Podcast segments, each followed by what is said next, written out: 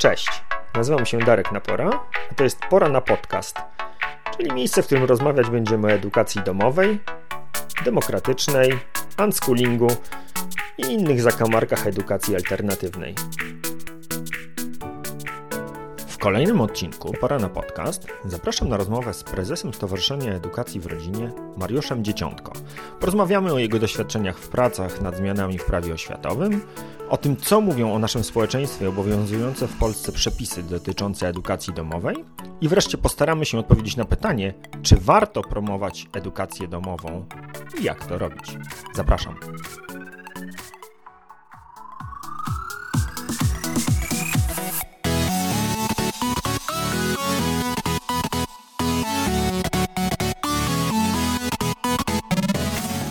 Pierwsze pytanie, które zadaję wszystkim gościom w podcaście, e, to znaczy, co u ciebie? E, na jakim etapie jesteś teraz ty? Co, co cię zrywa rano z łóżka, nie daje wieczorami usnąć? E, czym żyjesz ty, twoja rodzina, twoje dzieciaki? Co teraz u was żywe? Hmm, no, jest to jakby mm, ciąg roku, ciąg roku szkolnego, można by powiedzieć, z jednej strony, i to mm, Celowo to mówię, bo nie tylko moje dzieci jakby są w trakcie roku szkolnego, ale ja też, bo, bo jestem nauczycielem akademickim przy okazji, e, więc pracuję ze studentami zdalnie. Czasem podpytuję moich synów, którzy są też studentami, jak to jest, e, jak, jak oni się czują na tych zajęciach właśnie prowadzonych zdalnie, no bo ja też czasem mam dziwny, dziwne pewne E, odczucia co do osób, które mam po drugiej stronie, jak prowadzę te zajęcia. Więc chłopaki mi pomagają czasem zrozumieć, e, zrozumieć tą drugą stronę. No tak to, w, więc z jednej strony taka, taka powiedzmy, że e, codzienność związana i z pracą, a dzieci edukacją, a z drugiej strony no, są pewne działania, które zabierają trochę czasu, związane właśnie z edukacją domową, E, na gruncie formalnym, e, sprawy organizacyjne, sprawy prawne, e, gdzie trzeba trochę i pomyśleć, i porozmawiać z różnymi ludźmi, żeby tą, te sprawy próbować popychać do przodu. No ta ostatnia kwestia mm, oczywiście będzie mnie najbardziej dzisiaj interesowała i do niej jeszcze e, będziemy wracać, ale e, zanim wejdziemy na te tematy formalno-prawno-organizacyjne dotyczące edukacji domowej, jeszcze chciałem Ciebie zapytać o, o tą e, edukację zdalną. A jak się Twoi synowie odnajdują w, w tej szkole przez internet? Jakie oni Tobie zdają relacje z tego, jak się, jak się z tym czują?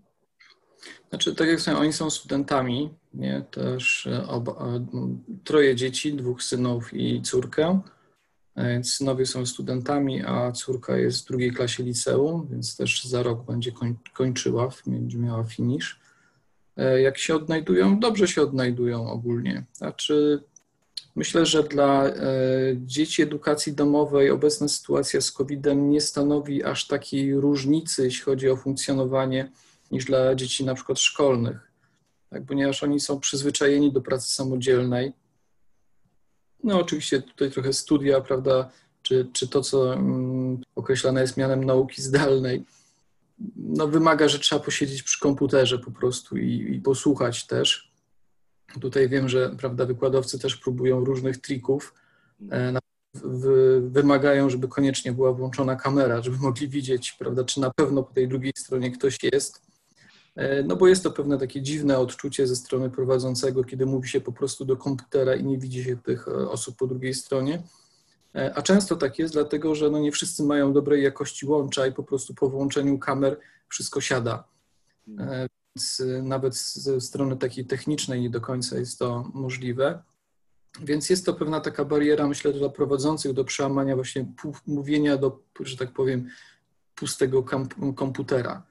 Myślę, że to może być. Pamiętam, jak prowadziłem pierwsze webinarium, no to było dla mnie to bardzo dziwne, aż się sam do siebie uśmiechałem, bo mówiłem właśnie prosto do komputera. Na szczęście miałem osobę, która kontrolowała to nagranie i była ze mną w pokoju, bo inaczej to byłoby zupełnie e, ciężkie. Tak? Natomiast po tych iluś tam webinarach, które zrobiłem, no to następnie jakby już praca zdalna i tak dalej nie jest tym problemem, ale ten punkt wejścia jest taki no, czymś takim nowym, dziwnym. No tak, tak. Szczególnie tak jak powiedziałeś, dla osób, które funkcjonowały w takim porządku szkolnym i, i, kiedy nagle zostały posadzone przed komputerem, to zarówno dla dzieciaków, jak i też dla dorosłych, którzy w tych szkołach funkcjonowali przez kilka czy kilkanaście lat i mieli wypracowany jakiś warsztat pracy, no to, to nagle się okazało, że to wszystko nie działa. No nie? I to, to, to tak, to jest, było... to jest myślę, że jedna z większych właśnie zmian, że te jakby metody wypracowane często wieloletnie, E, pewne sposoby ćwiczeń, działań i tak to po prostu w tym świecie zdalnym zupełnie nie działa. Pretekstem do tego naszego dzisiejszego spotkania było pierwsze czytanie projektu ustawy o zmianie w prawie oświatowym e, w tym fragmencie dotyczącym edukacji domowej. Ty od wielu lat, tak jak wspomniałeś, jesteś zaangażowany w te procesy e, legislacyjne w obszarze edukacji domowej. No i tutaj pewnie e, wielu polonistów się skrzywi, jak zadam Ci za chwileczkę pytanie, ale jestem anglistą, więc mogę. Czy Ty jesteś homeschoolingowym lobbystą? No chyba trzeba by tak to określić w sumie. E, ja bym jeszcze dodał, że takim ideowym e, homeschoolingowym lobbystą, dlatego że bardzo dbam o to, żeby nie być uwikłanym w jakieś zależności, które nie pozwoliłyby mi z czystym sercem i sumieniem reprezentować po prostu rodziców edukacji domowej. Mhm. Żeby no spotkać się w którymś miejscu z zarzutem, że robię to dla jakiegoś interesu. Właśnie mam ten komfort i o to dbam, żeby nikt nie był w stanie mi czegoś takiego e, zarzucić. Mhm. No dobra, ale y, jak ja słyszę słowo lobbying, to od razu mi się y, włączają takie obrazy z amerykańskich filmów z lobbystami, którzy spędzają wieczorki w pięciogwiazdkowych hotelach, politykami e, i jakimiś typami spod czarnej gwiazdy. Jak to wygląda w polskich realiach? Tak naprawdę całość, znaczy nie odbywa się to w pięciogwiazdkowych hotelach, prawda, ani w jakichś tam podejrzanych e, miejscach czy z podejrzanymi osobami. E, wszystko jest jak najbardziej otwarte, przejrzyste. E, natomiast wszystko jest oparte tak naprawdę o budowanie relacji z osobami, z którymi się współpracuje. Więc i to nie jest proste, to zajmuje dużo czasu. No, ogólnie nawiązanie relacji, szczególnie z osobą, jeśli mówimy o politykach, którzy są zajęci, którzy mają tysiące różnych wątków i, i tematów, to nie jest naprawdę proste, to wymaga długiego czasu E, żeby te relacje budować, a dopiero posiadanie tych relacji tak naprawdę może ewentualnie w przyszłości przełożyć się na, e, na jakąś współpracę. Dlatego to jest proces, który zajmuje po prostu czas. Jaką Twoją potrzebę tym, tym realizujesz? No bo tak jak wspomniałeś, to jest bardzo ideowa praca, taka u podstaw rzekłbym. Co Ty dla siebie z tego, e, z tego wynosisz? Dlaczego poświęcasz na to tak wiele czasu, energii. No tak jak powiedziałeś, jesteś tatą, pracujesz, e, z pewnością, tak jak wszyscy inni, masz 24 godziny na dobę, a mimo wszystko zdecydowałeś się poświęcać ten swój czas i energię na taką pracę. Wiesz co, początek, e, początek, znaczy nasza historia jest myślę, że dosyć specyficzna, bo kiedy zaczynaliśmy, to tych rodzin edukacji domowej nie było za dużo w ogóle w Polsce. E, I jakby początek był po prostu z potrzeby, bo trafiliśmy na, na mur w momencie, kiedy chcieliśmy skorzystać z edukacji domowej. E, tak naprawdę mieliśmy po prostu pewne realne kłopoty, jeśli chodzi o naszego właśnie środkowego syna, e, który jest wcześniakiem, który jakby gdyby się urodził o czasie, to poszedłby rok później do szkoły i takich wiele różnych drobiazgów, które się złożyły na to, że, że w momencie, kiedy poszedł do zerówki szkolnej, pojawiły się kłopoty dosyć poważne. E, i zaczęliśmy szukać e, sposobu, jak sobie z tym poradzić. E, I nasi znajomi podpowiedzieli nam coś takiego jak homeschooling, bo wcześniej o tym nie słyszeliśmy. Ja też bardzo lubiłem ogólnie chodzić do szkoły, co prawda miałem indywidualny tok studiów i tak dalej, więc jakby trochę czułem mm, o co, o co chodzi, ale moje pierwsze, pierwsze reakcje, gdy usłyszałem o edukacji domowej, wcale nie były entuzjastyczne i myślałem sobie, co to za wariactwo jest w ogóle, o co tutaj chodzi. Natomiast byłem na tyle otwarty, że usiadłem do internetu i zacząłem szukać, o co, co, o co tu w ogóle chodzi, co tu jest grane, co, co, tam, co w tym może być. I później było już, byłem już całym sercem za. A ponieważ, tak jak mówię, mieliśmy, trafiliśmy na beton, że tak powiem, lokalny, ponieważ wówczas obowiązywała rejonizacja, obwodowość, tak, czyli jedynie zgodę można było uzyskać w publicznej szkole obwodowej. No my akurat trafiliśmy na taką, że było ciężko. No więc stąd powstał pomysł, żeby po pierwsze spotkać się z rodzin, innymi rodzinami, które zajmują się edukacją domową w Polsce e, i jakoś spróbować pomyśleć, co możemy zrobić. Tak powstało Stowarzyszenie Edukacji w Rodzinie, między innymi, i e, stwierdziliśmy, że spróbujemy, znaczy, bo można było zająć dwie ścieżki, znaczy spróbować obchodzić prawo albo próbować zmienić to prawo. E, dla nas była zdecydowanie bardziej e, istotna ta ścieżka, jeżeli prawo jest złe, to należy je zmienić, e, a nie obchodzić, co nie znaczy, że to będzie krótsza ścieżka, ale tą ścieżkę podjęliśmy i to staramy się jakby dalej robić. Tak jak wspomniałem, moja córka już za niecałe półtora roku, czyli najmłodsze dziecko zakończy edukację szkolną. No i to jest oczywiście pytanie, tak? Czy mamy jakby angażować się dalej, kontynuować to, czy też czy też może już e, odpuścić sobie. Natomiast przez te wiele lat poznaliśmy masę wspaniałych ludzi z całego świata, z którymi mamy kontakty. I sama idea edukacji domowej jest po prostu e, wspaniała z naszego punktu widzenia i wartościowa.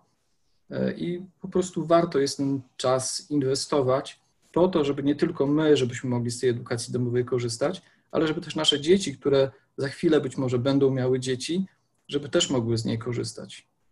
Wiesz co, to, co, to, co teraz powiedziałeś o, o tych dylematach, które, które macie w momencie, kiedy mm, wasze dzieciaki kończą już tą edukację obowiązkową, to jest dla mnie bardzo taki e, żywy temat e, i on dotyczy bardzo wielu fragmentów tej e, mnogości zjawisk, które się w ramach edukacji domowej odbywają, bo wydaje mi się, że to wciąż jakby brak tej ciągłości wciąż jest wielkim zagrożeniem dla, dla wszelkich e, projektów czy pomysłów, które w ramach edukacji domowej funkcjonują. I mam tutaj na myśli zarówno te dylematy, które ty przeżywasz jako prezes e, stowarzyszenia, ale też takie szkoły, które funkcjonują w oparciu o edukację domową, one podobnie, e, podobny mają moment przełomowy w chwili, kiedy rodzice, założyciele, czy, czy te osoby, które jakby pchały i ciągnęły ten, ten projekt, nagle ich dzieciaki wychodzą e, z obowiązku szkolnego i brakuje tej pary, brakuje tego, e, tej osoby, która by nadawała temu wszystkiemu pęd. No i one, one wtedy upadają, rozwiązują się i, i trzeba wszystko niejako zaczynać od początku. Więc my właśnie, ja słyszałem też właśnie o takich historiach właśnie związanych ze szkolnictwem niepublicznym, tak, że właśnie rodzice pełni zaangażowania tworzyli właśnie szkoły po to właśnie, żeby ich dzieci miały tą edukację jak najlepszej jakości. No i to się wszystko ładnie kręciło do momentu, dopóki te dzieci jeszcze w tej szkole były, tak, natomiast później właśnie jest ten dylemat, co dalej. Natomiast my staramy się angażować nasze dzieci w to, co robimy. One uczestniczą w tych wszystkich naszych różnych zmaganiach systemowych od samego początku.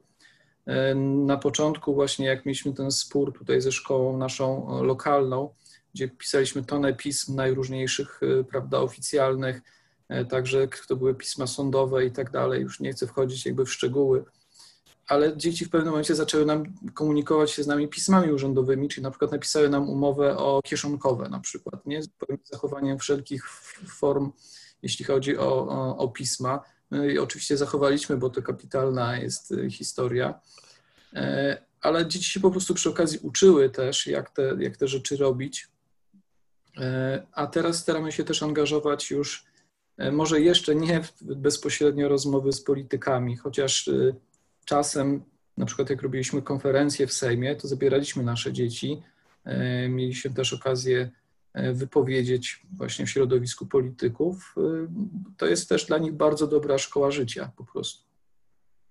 Ja domyślam się, że po tylu latach funkcjonowania w, na tym skrzyżowaniu edukacji domowej i, i, polityki, masz już jakoś tam wyrobioną opinię na temat tego, co te przepisy, które w Polsce funkcjonują, znaczą dla nas. I, i chciałem, żebyśmy o tym pogadali na takich dwóch poziomach. E, no po pierwsze na, na, na mikro, takim tu i teraz, co, co te zmiany, które e, szykują się albo mają szansę e, się pojawić w przepisach w związku z tą ustawą, którą, która teraz jest procedowana, będą oznaczać dla nas e, w najbliższym czasie.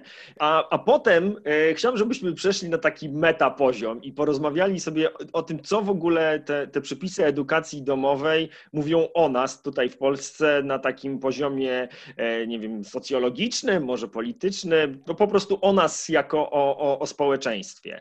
E, I gdybyś e, mógł zacząć od tego, od tych realnych zmian, które się mają, mają zadziać w ramach, w ramach tej zmiany w przepisach tak jak ja rozumiem, kluczowa dla, dla bardzo wielu niepublicznych szkół na prawach szkoły publicznej, ale również e, pośrednio dla bardzo wielu e, rodziców w edukacji domowej e, będzie kwestia finansowania. Mm, to jest, to jest jedna zmiana. Druga zmiana dotyczy kwestii rejonizacji, to znaczy znowuż mamy wrócić do tego rozwiązania, mm, które pozwalało na to, żeby rodzice czy rodziny wybierały szkołę niezależnie od miejsca zamieszkania.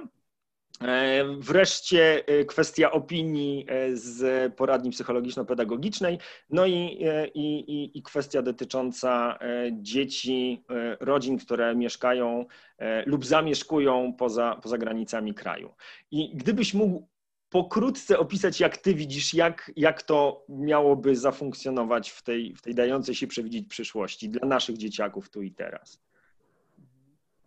Myślę, że trzeba mieć świadomość e, jednej rzeczy. Ja ostatnio policzyłem, ile razy ten fragment dotyczący edukacji domowej był zmieniany w naszych przepisach od 1991 roku, czyli od momentu, kiedy zaistniał po długiej przerwie, bo edukacja domowa była w pełni legalna i równoprawną formą w II Rzeczpospolitej.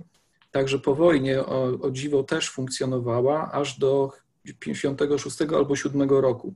Wtedy została zakazana tak? I od, 90, od 50 powiedzmy 7 roku do 91 nie było czegoś takiego jak edukacja domu, domowa, przynajmniej formalnie, bo wiem, że jest co najmniej jedna rodzina w Polsce, która pomimo tego w PRL-u e, działała w edukacji domowej.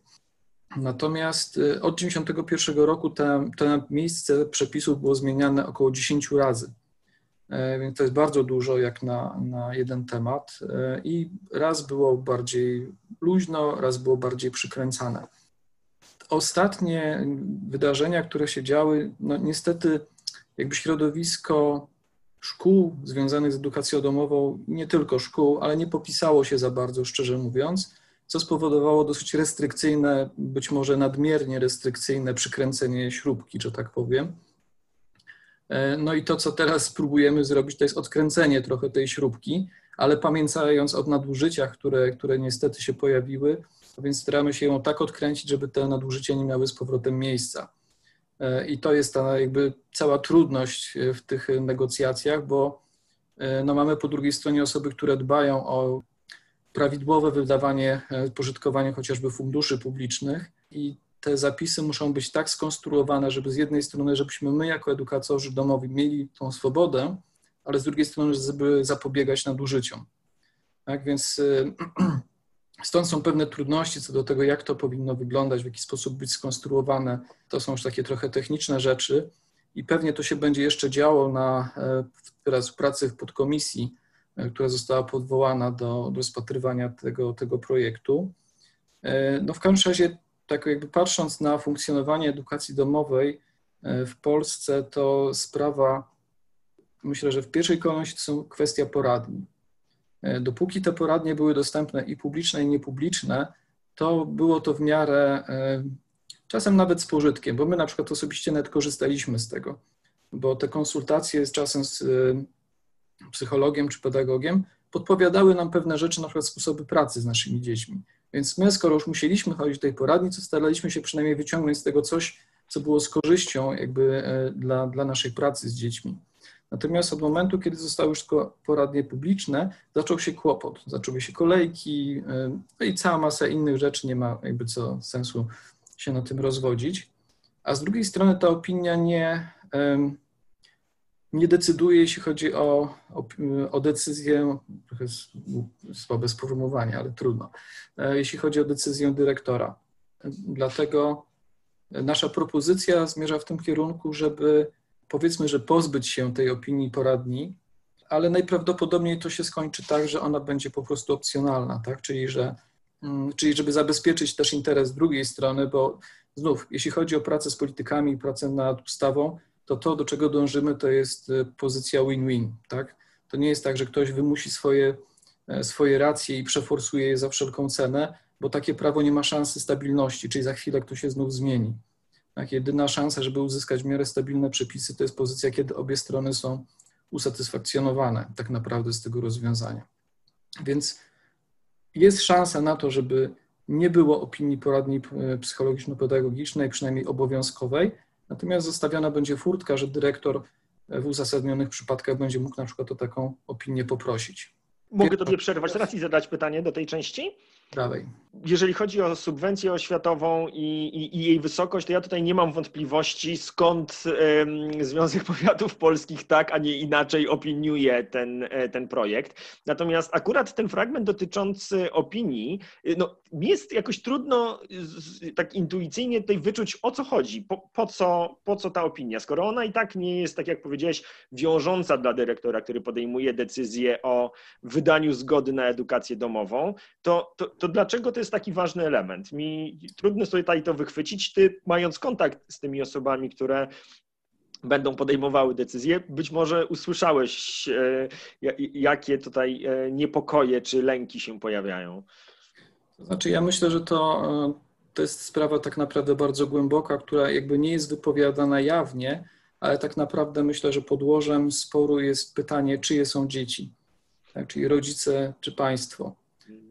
I to jest tak naprawdę ta największa linia, na której toczy się tutaj spór, e, czyli gdzie jest decyzja po stronie rodzica, a gdzie tu jednak państwo powinno, prawda, e, rodzinę kontrolować. E, I tak naprawdę to jest na tym poziomie spór. To nie jest po prostu kwestia jakby poradni same, sama w sobie. Tak mi się przynajmniej wydaje no to już płynnie przeszedłeś do tej części makro. Ja wrócę jeszcze do, do tego tematu, bo dla mnie on jest mega ciekawy i chciałbym, żebyśmy o tym porozmawiali, ale żeby zachować jakiś porządek tej naszej rozmowy, to przegadajmy sobie jeszcze te, te zmiany, które mają szansę się mm, pojawić w e, przepisach, e, bo drugim moim zdaniem bardzo istotnym e, elementem jest ta kwestia rejonizacji, która tutaj rzeczywiście bardzo realnie będzie wpływać zarówno na życie i funkcjonowanie rodzin w edukacji domowej, domowej, jak i dla e, wielu szkół. I tutaj, e, mhm. tutaj rzeczywiście rozumiem w pełni e, zarówno potrzeby rodzin, jak i poczucie zagrożenia ze strony samorządów. Tak, i tutaj znów kwestia realizacji, jakby dlaczego ona się, dlaczego ona się pojawiła? No, pojawiła się głównie ze względu na właśnie zagranicę. W polskim prawie, e, jakby szczególnie dla osób, które za granicą uczestniczą w innym systemie edukacyjnym, a więc przychodzą na przykład nie wiem, do szkoły w Anglii czy gdziekolwiek, to wtedy, jeżeli one jednocześnie skorzystają z edukacji domowej w Polsce i ktoś jeszcze wydaje pieniądze na to dziecko, to ono jest podwójnie finansowane z dwóch systemów. Tak? E, a tak naprawdę nie powinno być finansowane z polskiego systemu oświaty. I to były jakby podłoże ucięcia tego poprzez rejonizację czy ograniczenia. E, natomiast znów myślę, że są szanse, żeby tą sytuację zmienić, czyli żeby pozbyć się rejonizacji wojewódzkiej. Natomiast najprawdopodobniej, przynajmniej w tym podstawowej części, bo dojdziemy jeszcze do kolejnych punktów, więc zaraz opowiem o Polonii, ale że e, to ograniczenie będzie terytorium Polski tak? Czyli, że e, być może na przykład będzie to rozwiązane w ten sposób, że w tych dokumentach, które są wymagane przy uzyskiwaniu zgody na edukację domową, pojawi się dodatkowe oświadczenie o miejscu zamieszkania. E, po prostu, tak? Czyli nie, na przykład nie będziemy mieli rejonizacji, ale za to będzie informacja jawna, gdzie tak naprawdę dziecko mieszka. E, no i tu z tego miejsca przechodzimy do trzeciego tematu, czyli tematu Polonii gdzie znów no właśnie jest z jednej strony ten problem, który już wspomniałem, czyli kwestia finansowania. E, bo tak naprawdę, jeśli chodzi o współpracę z Polonią, to to nie jest w gestii Ministerstwa Edukacji, tylko Ministerstwa Spraw Zagranicznych. I tak naprawdę finansowanie edukacji za granicą odbywa się ze środków Ministerstwa Spraw Zagranicznych, a nie Ministerstwa Edukacji. Tak? I są wydzielone jednostki, które zajmują się tą współpracą z Poloniami, czyli chociażby ORPEK, to jest specjalnie powołana instytucja, która właśnie ma za zadanie mm, prowadzenie szkół albo edukacji uzupełniającej tak naprawdę, bo tutaj w większości tego, co się dzieje na świecie, mówimy tak naprawdę o lekcjach z języka polskiego z elementami historii, elementami geografii. Tak, tak, tak naprawdę są tylko trzy elementy, znaczy w większości miejsc na świecie tylko te trzy elementy e, są jak prowadzone, bo uznaje się, że reszta jest w szkole, w której dziecko normalnie jest, tak? Natomiast... Której ma obowiązek być, ja przepraszam, tylko tutaj wejdę, bo tak. nie wiem, czy to do końca jasno wybrzmiało, że w momencie, kiedy e, rodzina czy dziecko zamieszkuje poza granicami kraju, no to ono ma obowiązek spełniać obowiązek nauki czy obowiązek szkolny e, w kraju, w którym mieszka na stałe. I... Dokładnie tak. Ta edukacja polonijna to, czy polska to jest pewien dodatek, to jest coś e, dodatkowego do tej podstawowej edukacji. No i teraz jakby znów punkt widzenia um, ministerstwa to jest taki, no przecież to dziecko jest w jakimś tam systemie, więc my mu dajemy to, co jakby mu brakuje, czyli dajemy mu język polski, prawda, historię, kawałki geografii, żeby utrzymywało jakby kontakt, polskość, y, ale nie dajemy całej edukacji, tak? Natomiast myślę, że to jest też pewien element tych ostatnich lat i tej kolejnej fali, prawda, migracji, y, że jest dużo osób, które wyjeżdżało, wyjeżdżało za pracą i one nie do końca wiedzą, czy one pozostaną tam, czy też wrócą. No i teraz kwestia tego, że one te przez kilka lat na przykład są tam z dziećmi i one nie mają kontaktu jakby z polską szkołą i polskimi wymaganiami. Niestety polska szkoła ma dosyć wysoko postawioną poprzeczkę, jeśli chodzi o program w stosunku do innych szkół na świecie.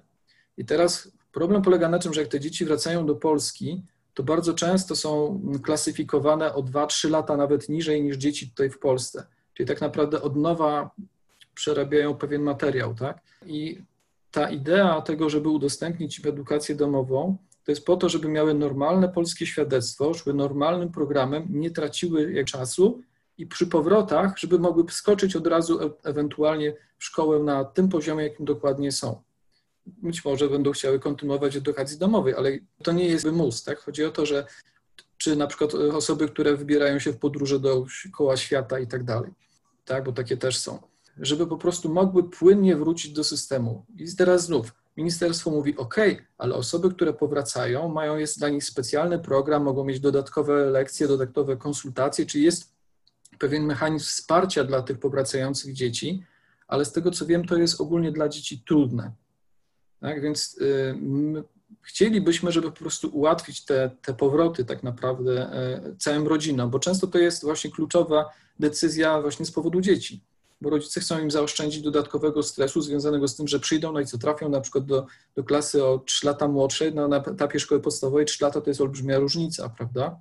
To psychicznie dla dziecka no nie jest to, e, to dobra, dobra rzecz.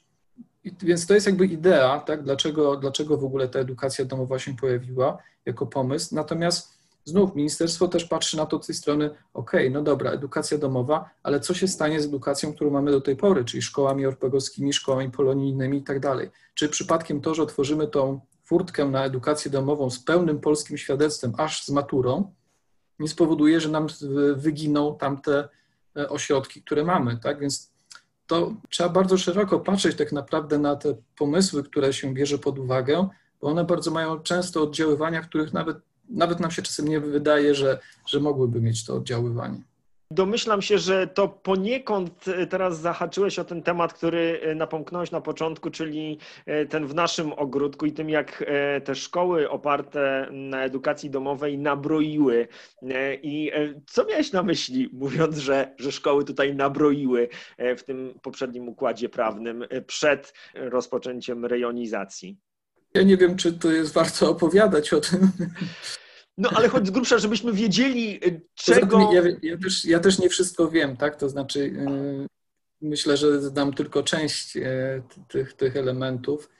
Yy, natomiast chodziło tu ogólnie na przykład o sytuację taką, że były rejestrowane dzieci z zagranicy, które w ogóle się nie pojawiały w polskiej szkole, nie przyjeżdżały w ogóle na egzaminy, a szła, czyli takie martwe dusze, tak? Na które po prostu szła subwencja. E, no i myślę, że no z punktu widzenia osób, które zajmują się e, pilnowaniem, żeby te pieniądze były e, prawda, w sposób sensowny wydawane, no to to jest no, ciężki przypadek.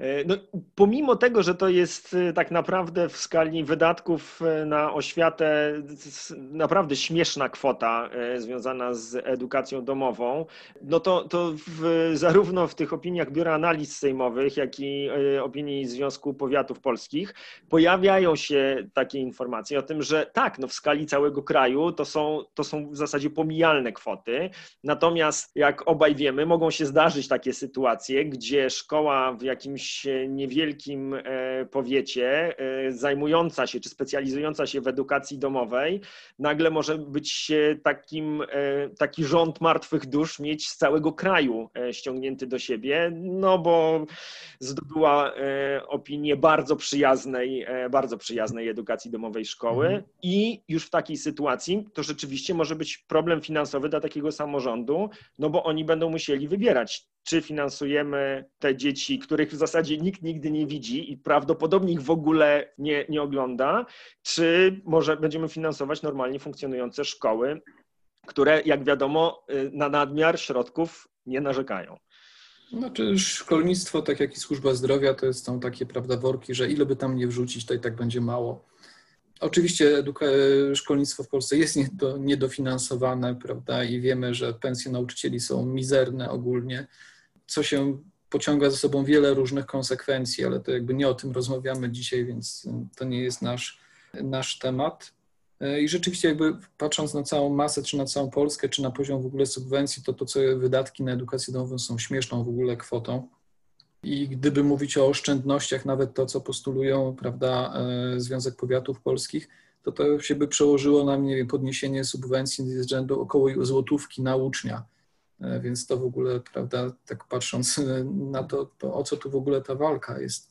No ale tak to wygląda. To znaczy, myślę, że tak, z punktu widzenia e, rodzin edukacji domowej, znaczy musimy jeszcze o jednej rzeczy pamiętać. Po pierwsze, e, w Polsce nie ma tak naprawdę funduszy per dziecko.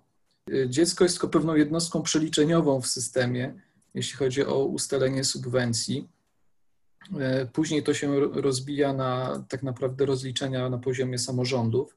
Tak to jest e, traktowane, to nie jest tak, że jakieś pieniądze idą za dzieckiem, że to jest, mm, to nie tak, nie tak działa. Tak? Bo wiem, że tutaj też wiele osób jakby nie ma w ogóle świadomości, jak to jest, e, jak to jest wyliczane. Natomiast myślę, że z punktu właśnie rodzin edukacji domowej to, co nas przede wszystkim interesuje, to jest stabilność. E, bo tu jest taki problem jeszcze, to jest problem całego systemu, że mamy rok finansowy i rok szkolny i one nie są w tym samym miejscu. Tak? I teraz, jeżeli szkoła na przykład e, przyjmie dzieci od września, a w, od 1 stycznia zmieni się drastycznie finansowanie, to to jest bardzo trudne, bo szkoły nie można tak zamknąć po prostu z dnia na dzień, tylko do wakacji ta szkoła musi istnieć. I to jest jakby taki dosyć e, ważny problem, głównie stabilności, bo co do wysokości to można dyskutować więcej, mniej i tak dalej, tak? Natomiast e, znów te finanse są regulowane rozporządzeniem. Przy negocjacjach a propos e, właśnie tych poszczególnych wag, które są wyliczane w systemie, jest komisja trójstronna, pracuje nad tym, a więc jest rząd, samorządy i związki zawodowe każda propozycja rządu a propos podziału subwencji to są ciężkie negocjacje właśnie mniej więcej o tej porze. No nie, już, już właściwie po, bo już mamy grudzień, to znaczy to zależy oczywiście od roku, ale ogólnie w grudniu one już przeważnie się finalizują, jeśli chodzi o kolejny rok. No ale to jest pewna niepewność i dla samorządów, i dla szkół, jak będzie ten kolejny rok e, właśnie finansowy wyglądał.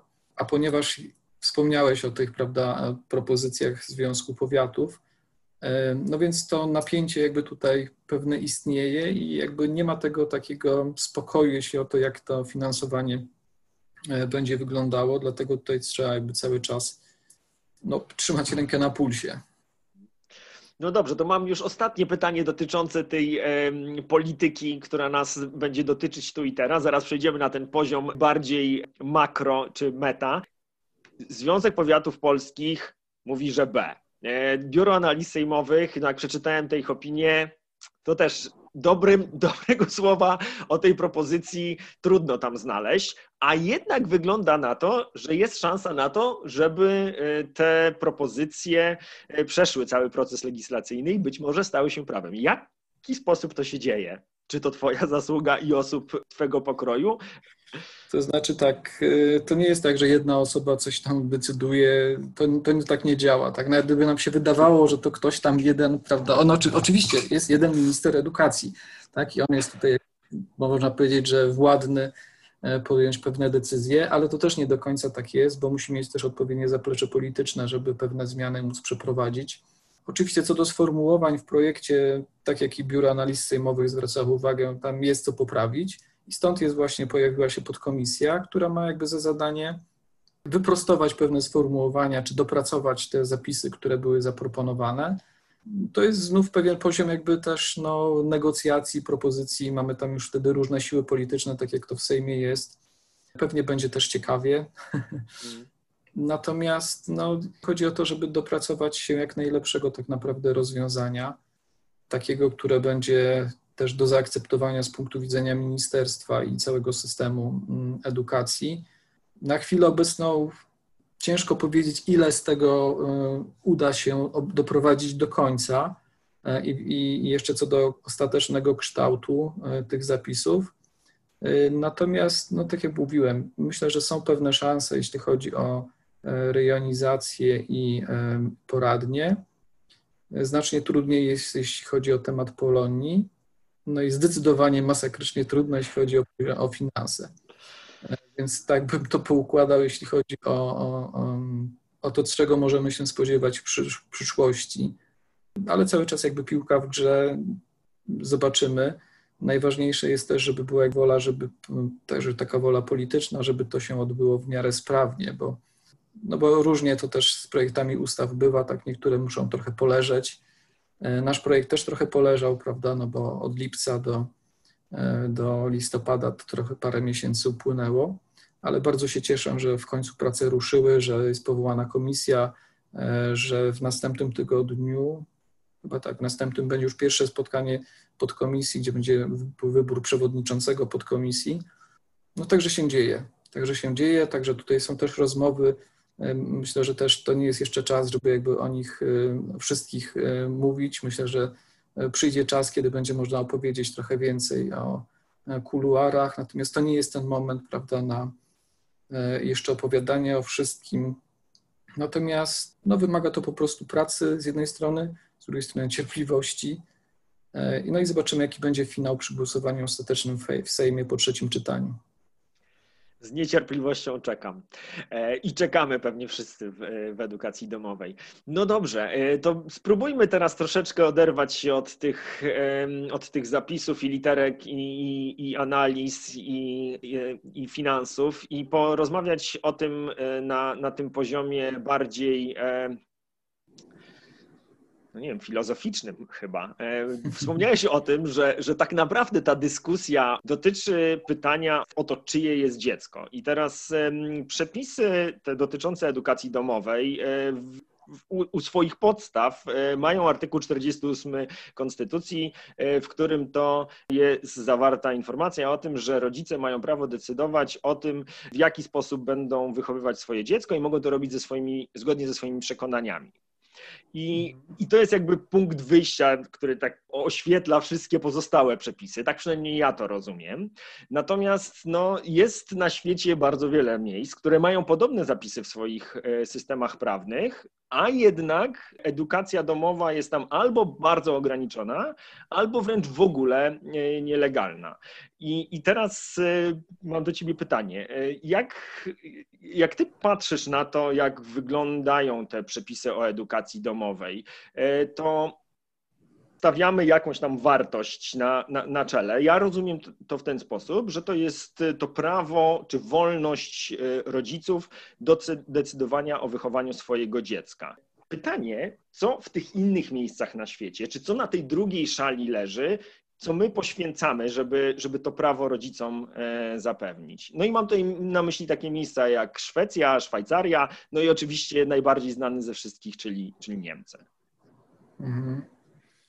E, Szwajcaria akurat to nie do końca, bo to zależy od, który, od kantonu. E, w niektórych można, w niektórych nie. W tych francuskojęzycznych, włoskich można, w tych niemieckojęzycznych nie.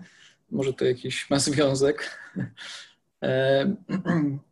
Ale rzeczywiście tak, znaczy ten zapis, który przytoczyłeś, jeśli chodzi o konstytucję, to on też się nie wziął znikąd, tylko to jest pokłosie prawa międzynarodowego, między innymi e, Powszechnej Deklaracji Praw Człowieka i jeszcze kilku innych dokumentów.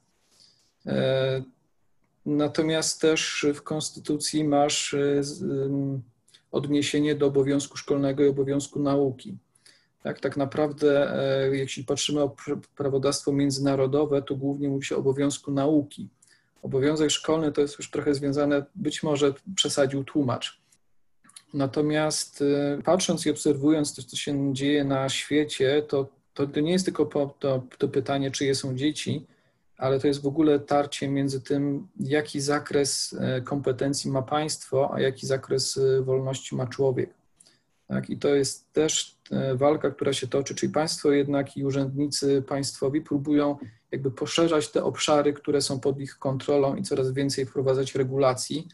E, no a z drugiej strony są obywatele, którzy albo na to przyzwalają, albo nie. Stąd też wiele osób na świecie na przykład obawia się teraz sytuacji covidowej, żeby pod wpływem pandemii ludzie przypadkiem nie oddali za dużo wolności tak, na, na, rzecz, e, na rzecz państwa. E, I to są takie elementy, które dzieją się od wieków e, i ta gra cały czas trwa i ona jest pewnym też elementem tego, co się dzieje, jeśli chodzi o edukację domową. Jeśli chodzi o uzasadnienia tego, co się dzieje w Szwecji czy Niemcy, bo tu głównie, prawda, blisko do nas jest, zresztą ostatnio ciężko też Francuzi mają, mhm.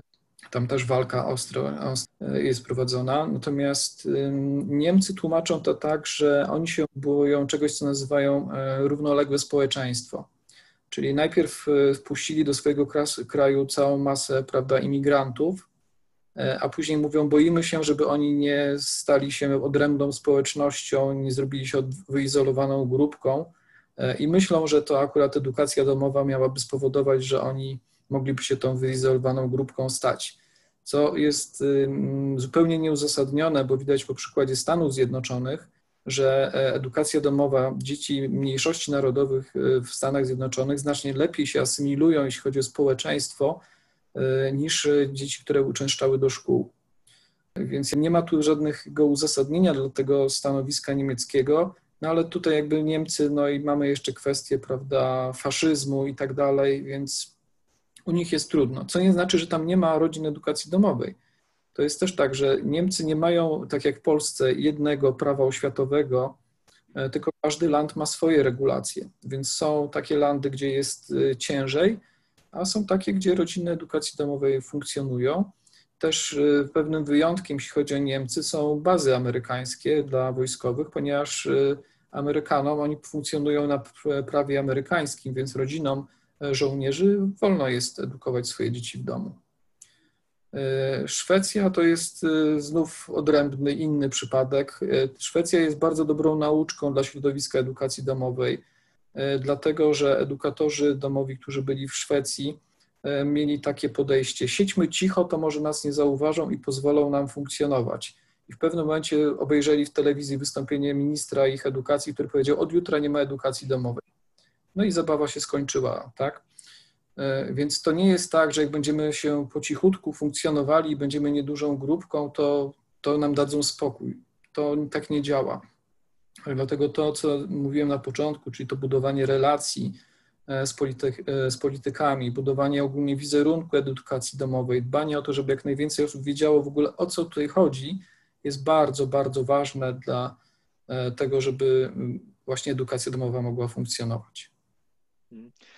W bardzo wielu miejscach na świecie e, rodziny w edukacji domowej mają niestety ugruntowany, ale niezbyt e, pięknie wyglądający wizerunek i, i, i ten stereotyp edu, rodziny w edukacji domowej no, e, jest wręcz takim gotowym scenariuszem na jakieś firm, filmy typu thriller i horror o, o jakichś szalonych rodzicach, którzy zamykają swoje dzieci, tam się nad nimi znęcają mm, albo przynajmniej odcinają je, je od świata.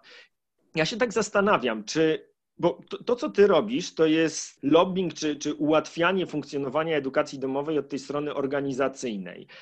A ja mam taką pokusę, taką myśl i, i też te moje działania temu mają właśnie służyć, żeby stworzyć taki bardzo bogaty, ale jednak dość określony wizerunek tego, co to jest ta edukacja domowa, bo ona oczywiście w każdej rodzinie wygląda inaczej. To jest oczywistość.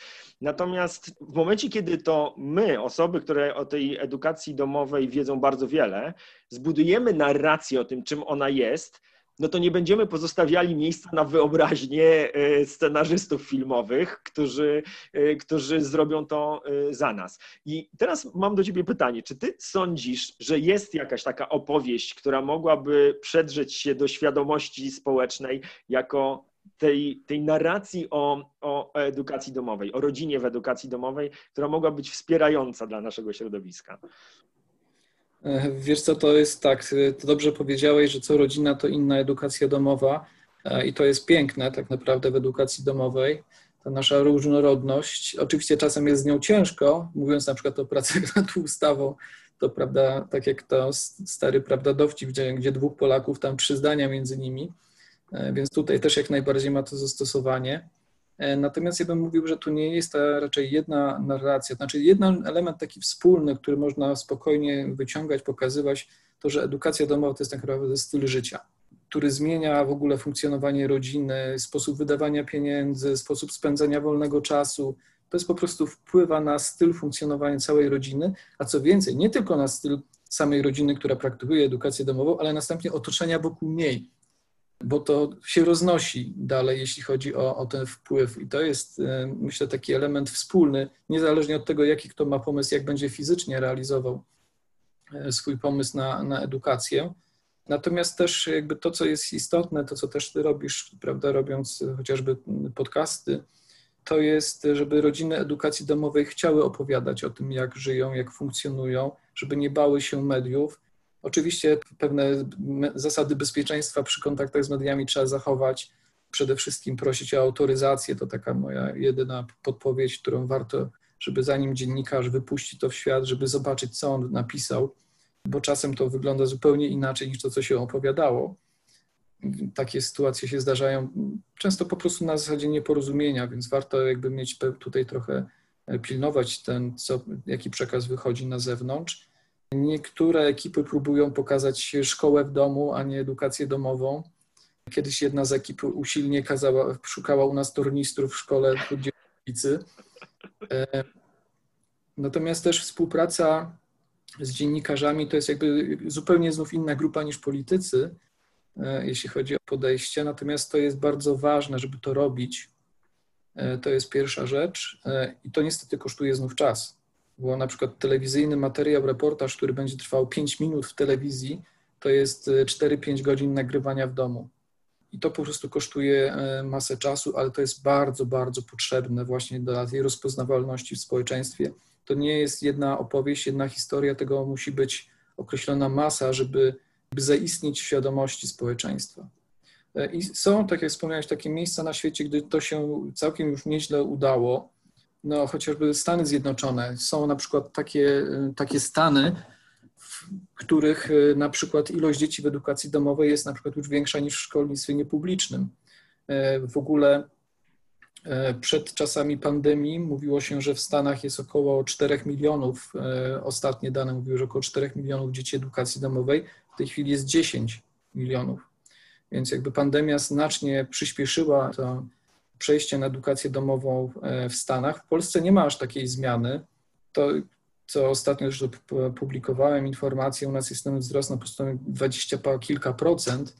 Pytanie, czy to jest rzeczywisty wzrost, czy coś nie tak, jeśli chodzi o wypełnianie danych e, sprawozdań prawda, przez szkoły, ale to zweryfikujemy w marcu, kiedy jest druga e, fala wypełniania tych sprawozdań. Natomiast, tak jak mówię, bardzo ważne jest, żeby rodziny edukacji domowej chciały się po prostu pokazywać e, to, w jaki sposób podchodzą do życia, czym są, że właśnie nie są walutkami, a że prowadzą bardzo ciekawe często życie, mają bardzo ciekawe pasje, że ich dzieci mają bardzo ciekawe pasje, że mogą je rozwijać e, i że to naprawdę przynosi im dużo korzyść. Ja, tak jak wspomniałem, moich dwóch synów już studiuje, Najstarszy, mimo że ma dopiero 23 lata, już się usamodzielnił, prawda, wynajmuje mieszkanie, uczy się, studiuje, pracuje. I to jest, to jest może coś takiego, co może być, zaczyna, znaczy dla osób, dla rodziców, czy w moim powiedzmy wieku, Jest to pewna taka mm, rzecz, której, nowa sytuacja, której się trzeba przyzwyczaić, że te dzieci szybko się usamodzielniają. Tak? To nie jest tak, że czekamy do 30 roku życia, aż ktoś się usamodzielni, tylko ta edukacja domowa przez to, że daje im właśnie tę, uczy ich tej samodzielności tak naprawdę przez wiele, wiele lat, bardzo szybko widać tego efekt. E, cierpicie już na syndrom opuszczonego gniazda? E, nie wiem jak żona, e, natomiast ja też czasem takie myśli nachodzą. Mówię, kurczę, blad, jakbyśmy ich nie mieli w edukacji domowej, to dłużej by byli z nami.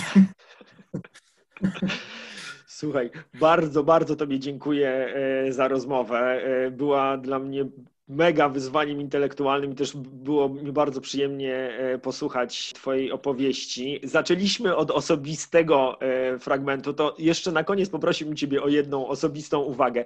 Czy w całej edukacji domowej, tej Twojej takiej e, rodzinnej, było coś, co tak absolutnie Cię zaskoczyło, co zostało z Tobą na zawsze, czego zupełnie się nie spodziewałeś przed decyzją edukacji domowej, a potem stało się po prostu dla Ciebie chlebem powszednim?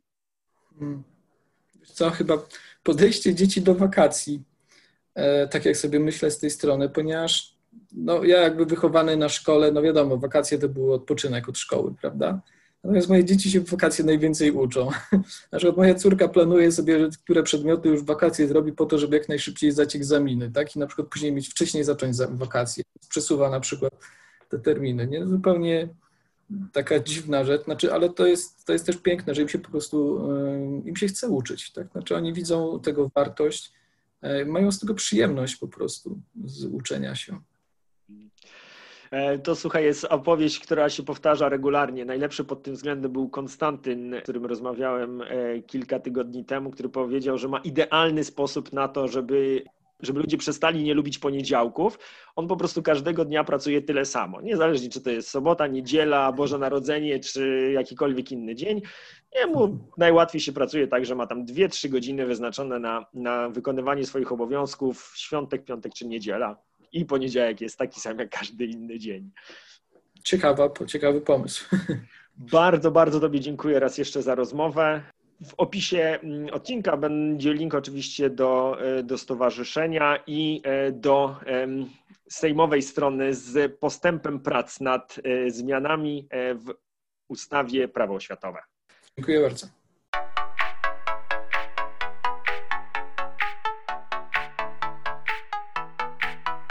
Dzięki za wysłuchanie kolejnego odcinka Pora na podcast.